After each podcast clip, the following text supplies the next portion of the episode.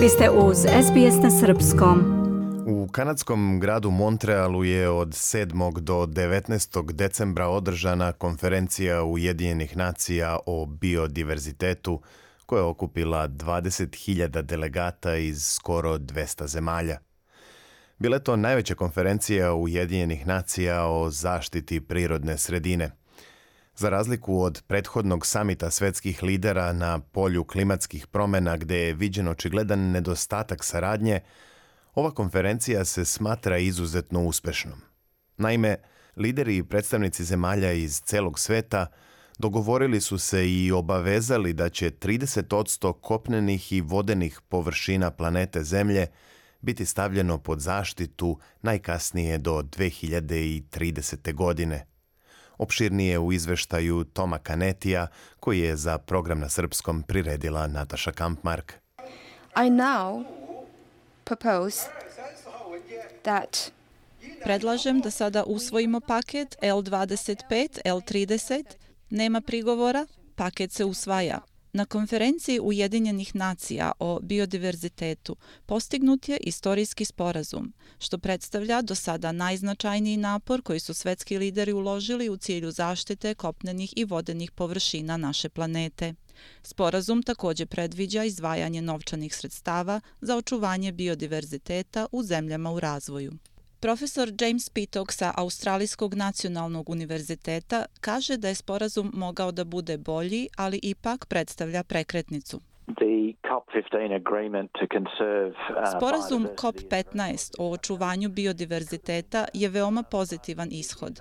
Moglo je i bolje, ali ipak se 196 vlada širom sveta složilo da učini mnogo više kako bi se zaštitila flora i fauna i prirodna staništa.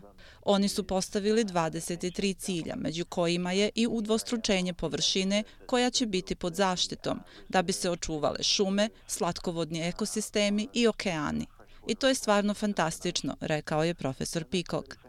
Potpisnici sporazuma se obavezuju da do 2030. stave pod zaštitu 30 odsto zemljišta i vodenih površina koji se smatraju važnim za biodiverzitet. U ovom trenutku zaštićeno je 17 odsto kopna i 10 odsto mora.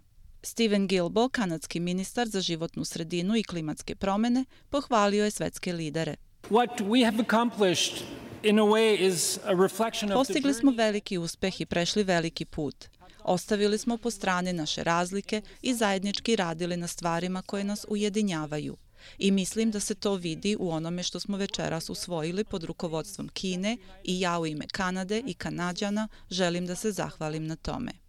Ned Price, portparol Američkog državnog sekretarijata, nazvao je sporazum obuhvatnim i ambicioznim.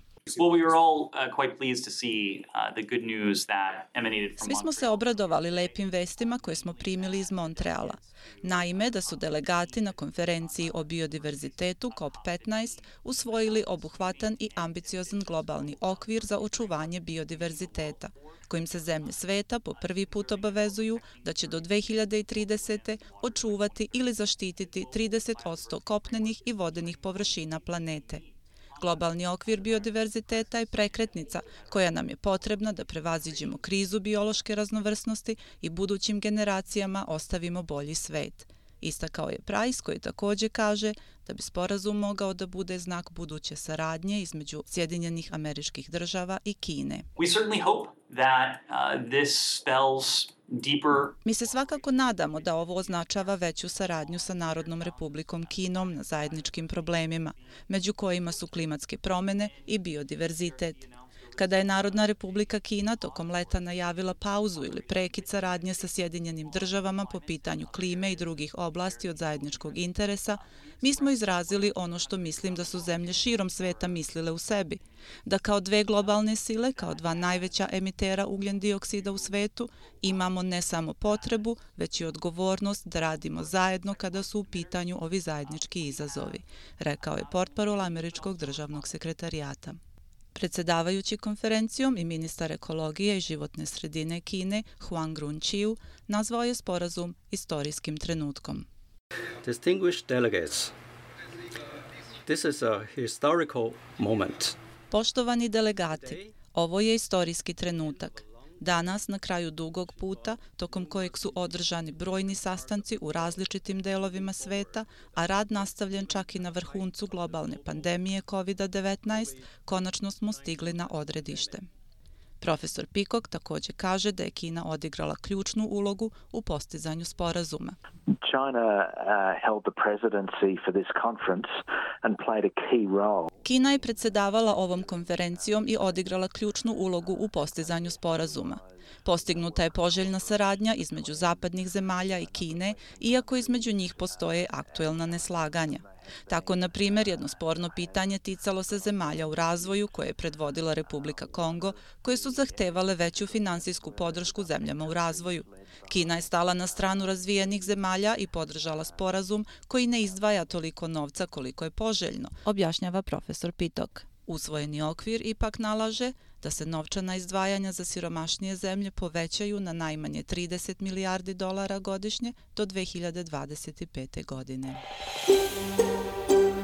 Želite da čujete još priča poput ove? Slušajte nas na Apple Podcast, Google Podcast, Spotify ili odakle god slušate podcast.